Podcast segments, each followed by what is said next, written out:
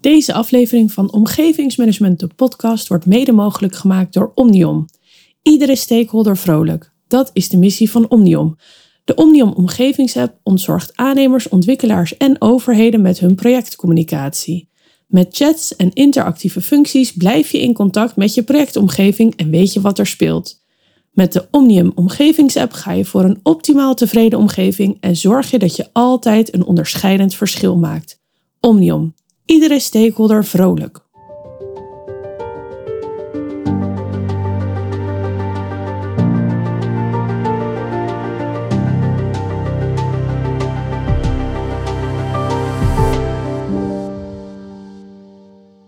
Welkom bij een nieuwe aflevering van Omgevingsmanagement, de podcast. Mijn naam is Carlijn Bergsoef en mijn gasten van vandaag zijn Johan Brouwers en Paul Bun van Quattro Expertise. Welkom. Dankjewel, Carlijn.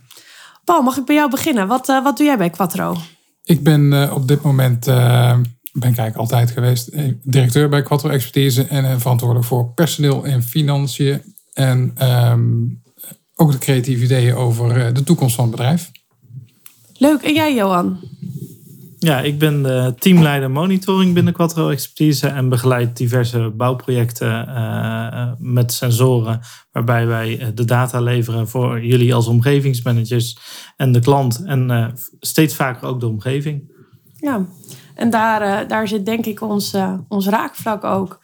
Um, ja, want we hadden het er al over, dat is eigenlijk de aanleiding voor deze aflevering. Ik, ik ben best wel veel tijd kwijt aan het afwikkelen van schadeclaims van mensen waarbij je eigenlijk met één oog op de, op de cijfers al ziet, goh, de trillingen zitten zwaar onder de SBR-richtlijnen. Maar ja, mensen dienen toch een claim in en uh, die, die wijs je dan af. Maar al met al kost dat best wel veel tijd. En als je veel adressen hebt, dan, dan, dan is dat best nog een kostenpost voor een project. En ik begrijp dat jullie mijn leven makkelijker kunnen maken. En dus ook het leven van mijn opdrachtgevers. Maar hoe kunnen jullie daarbij helpen? Nou ja, dat is met schadeloos bouwen, zoals wij dat uh, noemen. En dat is door de omgeving echt te betrekken bij het werk. Uh, maar ook vooral een goede voorbereiding. Uh, weet waar je gaat werken. Uh, goede vastlegging van de startsituatie van je project. dus goede vooropnames en zoveel mogelijk vooropnames doen ook vooral. En tijdens het uitvoeren van het werk werken met veel sensoren die real-time meetwaarden doorsturen. Ja, en jullie, jullie hebben daarbij ook contact met bewoners. Hoe, hoe ziet dat er dan uit? Uh, ja, het contact tussen ons en de bewoners dat is uh, beperkt uh, door dat we ze aanschrijven om te vragen om mee te werken aan, de, aan die bouwkundige vooropname. Dat het ook voor, vooral voor hun interessant is om te doen. Ehm, maar het is ook vooral juist voor de aannemer en de opdrachtgever interessant om te doen. Want schadeloos bouwen, het, het principe werkt, ja, dat moet claims voorkomen. En dat doen we door ehm, de bewoner actief te betrekken in uh, in het proces. En zelf te helpen om zijn eigen claim te kunnen beoordelen. En hoe moet ik dat dan voor me zien? Wij leggen de startsituatie vast. Ja, dat doen we dus met die, met die bouwkundige vooropname. Dat doen we zoveel mogelijk. Dus die bewoners zoveel mogelijk mogelijkheden geven om die vooropname te laten doen. Uh, door makkelijke communicatie met ons. Maar die vooropname die legt dus eigenlijk alle bestaande gebreken vast die in die woning aanwezig zijn. En, en wat is daarin anders dan hoe we het eigenlijk al jaren doen? Niet heel veel anders. Um, alleen dat wij uh, en proberen ervoor te zorgen dat we dat zoveel mogelijk doen. Hè? Dus zoveel mogelijk ja. uh, adressen bij die vooropname proberen te betrekken. Maar ook tijdens het werk aan te tonen dat het huis uh, niet in beweging is geweest. Door die sensoren zoveel mogelijk toe te passen. Ja, want ik ben gewend dat, dat je gewoon trillingmeters plaatst. En dat je die dan beoordeelt aan de hand van de SBR-richtlijnen. En kijkt van, goh, gaat het dan over bepaalde waarden heen? En aan de hand daarvan uh, wordt een claim toegekend of niet. Um, maar ik begrijp dat jij ook andere uh, meetgegevens uh, gebruikt. Ja, dat zijn sensoren die we naast de trillingsensoren gebruiken. Trillingsensoren zijn hartstikke goed hè, om echt aan te duiden van... ja, er zijn inderdaad trillingen geweest in, in die woning... Maar in 9 van de 10 gevallen leidt dat niet tot echt daadwerkelijke schade. En dat moet je zien aan te tonen. En daar gebruiken we dus uh, die heel nauwkeurig uh, scheurbreedtes kunnen meten. Waar ontwikkeling van bewegingen ingebouwd te zien zijn. Maar ook tiltsensoren om te zien van ja, is dat huis echt wel schever gaan staan of niet. Dus echt de triggers waarmee een schade kan ontstaan. Om dat aan te tonen dat dat niet gebeurd is. Dus een huis kan best boven SBR-richtlijn uh, grenswaarde gedrild hebben. Maar hoeft nog niet per se te leiden tot bouwkundige schade. Nee, dus als de scheur niet groter wordt, dan eh, kan eigenlijk de claim niet ontvankelijk zijn. Dat is de basis van. Uh, Ga ik dan te kort door de bocht? Nou, wij zeggen wel, als je kunt aantonen dat een gebouw niet in beweging is geweest, kan er dan schade aan ontstaan? Nou, dan wordt het wel heel lastig voor de claimant om, om schade te claimen, denk ik. Ja, maar het, vooral het stukje erin zit waarmee wij dus kunnen voorkomen dat die bewoner schade gaat claimen, wat dus al inleiding geeft tot de kosten. Daar zal ik eerst eventjes op terugpakken, want het zijn elke claim die ingediend wordt, dus op het moment dat de bewoner zijn telefoon pakt om een schade te melden, dat kost de hele bouwkolom 2.500 euro. Puur aan behandelingskosten. Want er komen op vier, vijf plekken uh, komen eh, schadedossiertjes die, uh, die er neerkomen voor één claim. Dus bij de bewoner, bij de aannemer, bij de opdrachtgever, bij de verzekeraar van de opdrachtgever. Dan komt de schade-expert, die allemaal met die ene claim voor dat ene scheurtje te doen hebben. Als wij nou het voor die bewoner zo eenvoudig kunnen maken dat hij zelf kan beoordelen of hij schade heeft, voorkomen dat hij dan dat telefoontje gaat plegen.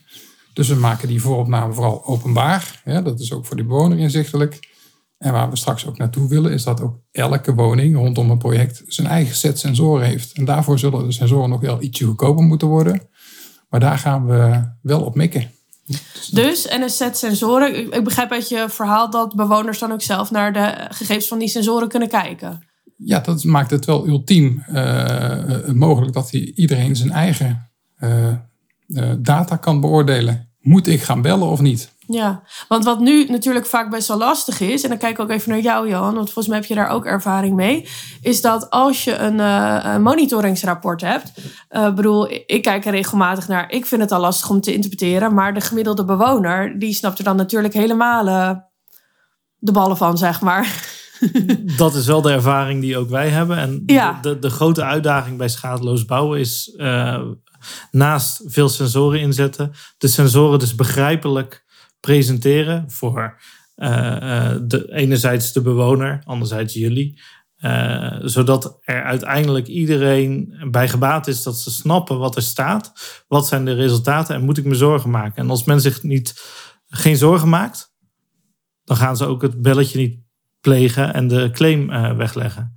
Uh, daar zit nog een hele uitdaging in. En wij zijn inmiddels met wat pilotprojecten bezig geweest.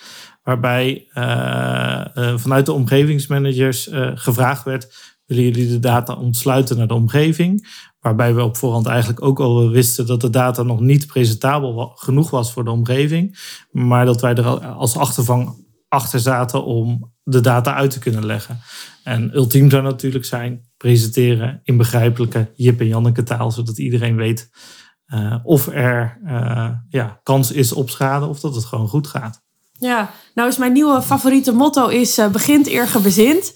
En daarmee bedoel ik eigenlijk van volgens mij kun je maar beter gewoon af en toe op een gegeven moment een keer beginnen en daarna steeds verbeteren dan wachten tot je het perfecte vehicle, een perfecte tool hebt. Maar heb je ook al resultaten van die eerste pilot, ondanks dat je weet dat het allemaal nog lastig begrijpelijk is voor de mensen, maar welke feedback krijg je van bewoners hierover?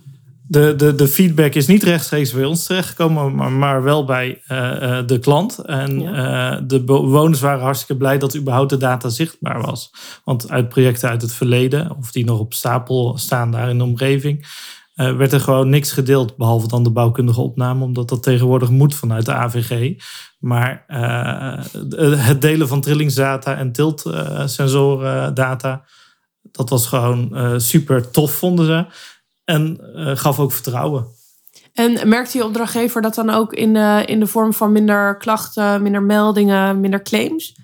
Ja, het, het, eh, het, eigenlijk werd de omgeving positiever uh, door alleen al de data te presenteren. En er zijn geen klachten of schademeldingen geweest. Nou, dat lijkt me dan een goed, goed resultaat. En hoe, hoe gaat het dan verder beslag krijgen? Hoe, hoe pakken jullie dat verder op? Allereerst willen we de data die nu uh, eigenlijk alleen maar voor techneuten begrijpelijk is, dus begrijpbaar gaan maken voor de bewoners zelf. Dat gaan, willen we doen door YouTube-filmpjes uh, oh, te maken. Waarbij we uh, gewoon uitleg geven wat je ziet, hoe je dat moet interpreteren.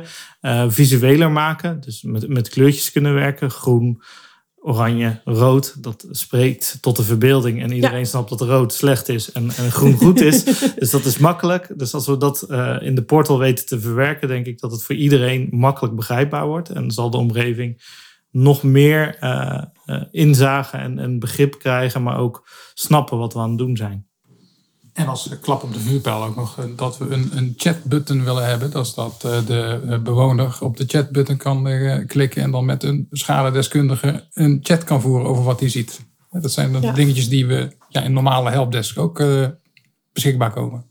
Dus op deze manier is eigenlijk niet alleen de omgevingsmanager dichterbij voor de bewoners, maar ook eigenlijk jullie vak komt steeds dichter bij de bewoners en wordt steeds gebruiksvriendelijker. Uh, ik kan me voorstellen dat jullie vroeger meer op afstand stonden. Nou, zeker. En uh, daar zien we ook echt wel onze rol in. Want uh, het is gewoon onze missie om die 2.500 euro per claim te gaan voorkomen. dat is, daar wordt Nederland beter van. Daar wordt het allemaal duurzamer van. want elke scheur die je niet hoeft te herstellen, daar, hoeft, weer. daar hoeft niemand meer naartoe. Hoeft geen autootje naartoe, hoeft geen stukje naartoe. Dus um, het is echt onze missie om dat te, te, voorkomen en die bewoner echt te helpen. Ja, mooi. Ik zit nog wel één kritische vraag natuurlijk. Want schadeloos bouwen, daar uh, zijn we volgens mij allemaal voor. Daar, daar kan je net als veiligheid en duurzaamheid niet op tegen zijn.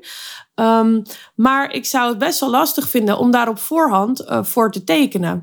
Dus hoe willen jullie aannemers toch dat vertrouwen geven dat ze daar van tevoren ja tegen durven te zeggen? Nou, A, dat is natuurlijk gewoon een, een, een heel stuk goedkoper dan wat het nu is. Hè. Dus de, de, eh, de 2.500 euro per claim eh, ben je dan niet kwijt. Tuurlijk, je moet een investering doen om duidelijk te maken wat je aan eh, beweging in de omgeving veroorzaakt. En, ja, Hoe groot is zo'n investering ongeveer? Nou, ik wil wel even een rekenvoorbeeldje maken. Alleen voor uh, bijvoorbeeld het product uh, bouwkundige vooropname. Heel, heel simpel, maar een doeltreffend product. Uh, ik geef even wat cijfers. Wij doen uh, per jaar ongeveer 30.000 vooropnames. Dat is een hele, een hele bult. Dat betekent ook 30.000 brieven met de juiste communicatie de deur uit. we krijgen dus ook 20.000 telefoontjes daarover om afspraken te maken bijvoorbeeld. Hè. Onze ja. platformen moeten daarvoor geschikt zijn dan wil ik, jij zit ook in het vak, jij weet ook ongeveer wat er gebeurt. Hoeveel mensen denk jij uh, dat die uh, daadwerkelijk de vooropname gebruiken? Dus bewoners. Nou, ik word er vaak mee om mijn oren geslagen. Ja, wat is vaak voor jou? Uh, nou, daar, heb je daar een idee van? Ik ben niet gewend dat ik de moeilijke vragen nee. krijg hiervan. Dat was niet de afspraak natuurlijk. Nee, maar ik wil wel even duidelijk, dingen duidelijk maken. Ja. Dat kunnen wij wel zien namelijk. Want wij hebben, ja. ik denk dat wij een van de meest vooruitstrevende expertisebureaus van Nederland zijn. Ja. Wij kunnen ook zien uh, hoeveel, hoe vaak mensen omwonenden inloggen in ons systeem. He, dus wij maken de vooropname. Uh, dat hebben we gerapporteerd. Die mensen krijgen allemaal een inlogcode. Die kunnen zelf die foto's bekijken. En wij zien eigenlijk, en dat houden we al een tijdje in de gaten, dat 25% van alle bewoners waar wij een vooropname doen, na de startdatum van het project actief inlogt op zijn vooropname. Dus om iets te controleren. Dus die hebben actief een vraag over een bepaald gebrek waarschijnlijk wat ze zien, om te zien of dat in die vooropname staat. Dat zijn dus 25%. Dat zijn er dus 7.500. Ja, ik had eigenlijk wel meer verwacht. Is dat dan, uh, neem je dan de gehele looptijd van het project mee? Ja, ja. Oh. 25 procent. Dat zijn dus de actieve mensen die, die daarmee bezig zijn. Want het is, het is niet normaal, Carlijn, dat mensen dagelijks naar scheuren gaan zitten kijken. Dat, dat doe je niet. Dat doe je pas op het moment dat het je gaat opvallen. Um, nou, mag ik er even wat over zeggen? Want wat ik wel zie, is als mensen zeg maar trillingen uh, voelen en uh, geluid uh, zeg maar horen, dat ze dan, ik heb het gevoel dat ze dan toch wel kritischer gaan kijken naar hun huis. En Tuurlijk. dat scheuren toch wel groter ja, lijken ineens. Dat is een trigger. Maar ja. uit de praktijk blijkt dus dat nog steeds 25% dat maar doet. En niet 50 of 75 procent. Dat is data, dat zijn feiten, die meten wij. Ja, en dat zijn dus dan ook de mondige mensen die dus wel voor veel werk bij mij zorgen. Ja, ja. en waardoor ik verwacht dat het dus veel meer mensen zijn die daar wel naar kijken. Dus is daar nog steeds veel te halen. Hè? Maar ja. goed, als we uitgaan ja. van die 25%, dat zijn er 7.500. Hoeveel van die mensen denk jij dat dan, dat is het enige wat wij niet weten, hoeveel er dan uiteindelijk die telefoon oppakken. Dat is het enige wat wij niet weten. Maar als we nou eens even, ik doe een aannemen, dat nou de helft daarvan ziet, nou die scheur die staat in die vooropname. Dan hou je dus nou de helft van 7.500. Dat zijn er, laten we even makkelijk getal, 4000 zijn. Die dan uh, zien van, nou, ik hoef niet te bellen, want die die scheur staat in de vooropname. Dan hebben we dus eigenlijk 4000 keer 2.500 euro bespaard. Eens? Ja. Dus, ja, ja, ja, ja. Hoeveel geld is dat? 10 miljoen euro. Ja, dat zijn knaken. En alleen maar, en dat is wat we eigenlijk besparen voor de hele bouw, bouwkolom. Hè? Ehm, en wat is een investering in een vooropname? Bij ons gemiddeld wouden we dat, we dat ook bij. We doen uh, dus ongeveer 30.000 vooropnames per jaar. En onze omzet jaarlijks zit ongeveer op de anderhalf miljoen in de vooropnames. Dus dat is 50 euro per adres. Hmm. Dus we sparen 10 miljoen euro voor de hele kolom. Om uh, de opdrachtgevers, de gemeentes, de aannemers, maar ook de verzekeraars. Ehm, tegen een investering van anderhalf miljoen. Dus het is eigenlijk een no-brainer voor elk project om bouwkundige vooropnames te doen. Daar bespaar je dus gewoon ontzettend veel geld mee. Ja. Ja, ik moet zeggen dat ik die ook wel vrij vaak uit de kast trek om uh, claims af te wijzen. Inderdaad, dat mensen met uh, scheuren aankomen waarvan ik denk, joh, die zaten er al toen, uh, toen de bouw begon. Ja, en dat is heel logisch dat er gebeurt. Dus het is een heel doeltreffend middel om, ja, om claims te voorkomen. Maar het is natuurlijk heel raar dat jij die uit de kast moet gaan trekken, die vooropname, om dat aan te gaan tonen aan die bewoner. Dan ben je eigenlijk al te laat. Die bewoner kan dat heel goed zelf. Hè? Dus we moeten die bewoner helpen, ook om dat zelf te gaan doen, om die kosten voor jou te besparen. Want in de tijd dat jij die map uit de kast gaat trekken of in gaat loggen om dat zelf te bekijken, kan je ook heel veel goede andere dingen doen. En dat doe je dus door klantvriendelijker te werken richting de bewoners. Juist, en dat is onze missie. Hè, om die bewoner te helpen niet die telefoon al op te pakken naar die, uh, naar die aannemer of naar die omgevingsmanager of naar, uh, de, naar de gemeente. Maar uh, misschien wel eerst naar ons voordat hij dat, voordat gaat doen. Ja. En um, wat zouden jullie omgevingsmanagers willen meegeven? Vanuit jullie vak. Welke tip hebben jullie voor omgevingsmanagers om hun werk goed te doen, behalve dus die vooropname te laten uitvoeren? Nou ja, dat, de projecten waar zij eh, ehm, op werken, dat, je een, eh, eh, dat het goed en leuk is om schadeloos te werken daar. Om daar actief mee bezig te zijn met hoe reageert de omgeving op wat ik aan het doen ben. En dat kan je doen door, hè, het allernegatiefste, het meest negatieve is echt die schade natuurlijk. Hè, dat, die, wil je gewoon, die wil je gewoon niet hebben. Maar ehm, net als ja, elektrisch rijden tegenwoordig heel normaal is, usance. Ja, zou ik eh, de omgevingsmanager willen aansporen om ook bij de gemeentes die gaan aansporen van joh, help ons om uh, uh, het mogelijk te maken dat we actief claims gaan voorkomen. Door, en, welke, wacht, stel dat ik dan nu omgevingsmanager bij de gemeente ben, hoe kan ik die handschoenen oppakken? Bijvoorbeeld door te beginnen in, uh, in de bestekken de goede teksten op te nemen. Want dat zien we ook nog wel eens voorbij komen. Dat er ja, dat gebeurt nou eenmaal vaak dat er uh, op dit gebied uh, in bestekken vaak uh, gekopieerd en gepeest wordt. Hè. Dat, dat, maken wij ons ook aan schuldig. Wat makkelijk is dat kopiëren en zetten we er mhm. opnieuw in. Wat vind je een goede tekst? Die staat bij ons op de website. daar, daar willen wij... Ligt een tipje van de sla. We willen het wel klantvriendelijk maken. Dat wat, we bijvoorbeeld voor die vooropnames, dat, je, dat we zeggen... Ehm, het moet voor de bewoner gewoon heel eenvoudig zijn om een afspraak te maken om die bouwkundige vooropname uit te voeren wij mhm. zeggen, wij komen op een kwartier nauwkeurig. Hè. Dus je hoeft bij ons niet uh, een hele dag thuis te blijven om die voorname-expert te ontvangen. Ja, dat is natuurlijk wel een major frustratie voor mensen. Helemaal nu corona voorbij is en mensen minder vaak thuis zijn. Ja, uh, ja. Je dat wel dus je moet die mensen empoweren om het zo makkelijk mogelijk te maken. Uh, dus online afspraak maken. Ze kunnen dat als ze brief s'avonds lezen als ze terugkomen van werk, kunnen ze online op ons platform eh, die afspraak maken. Uh, maar ze kunnen ook bellen, we kunnen mail sturen, maar we kunnen ook ja, via WhatsApp hebben een hele digitale zakelijke omgeving om met die bewoners te communiceren.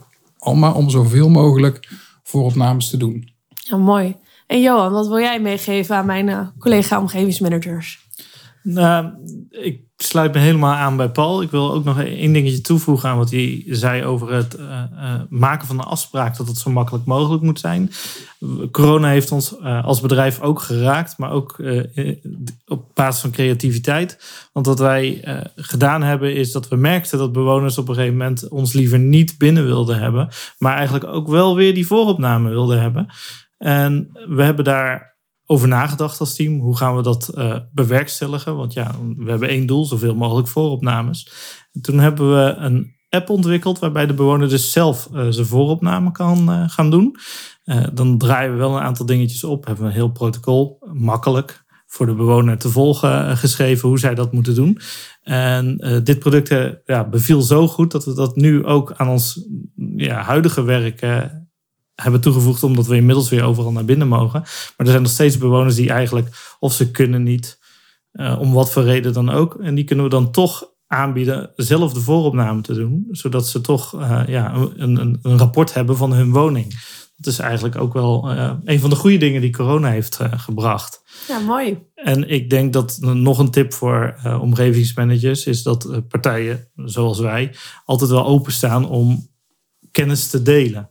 En, en, ik denk dat dat ook nog wel een kans is die we met z'n allen kunnen aanpakken. Dat we uh, elkaar helpen de data begrijpelijk te maken. Daar leren wij van en jullie uiteindelijk ook allemaal. Ja, leuk. Dus, uh, dus ik zie jullie ook op de Landelijke Dag Omgevingsmanagement straks in uh, oktober. Sterker nog, vorig jaar stonden we er al. Oh, nice. Oh, lachen. Nou ja, jongens, ik wil jullie heel graag bedanken voor jullie tijd. Ik uh, vond het leuk om weer eens wat nieuws te horen. Leuk dat we mochten komen. Ja. Ja, dankjewel Klein.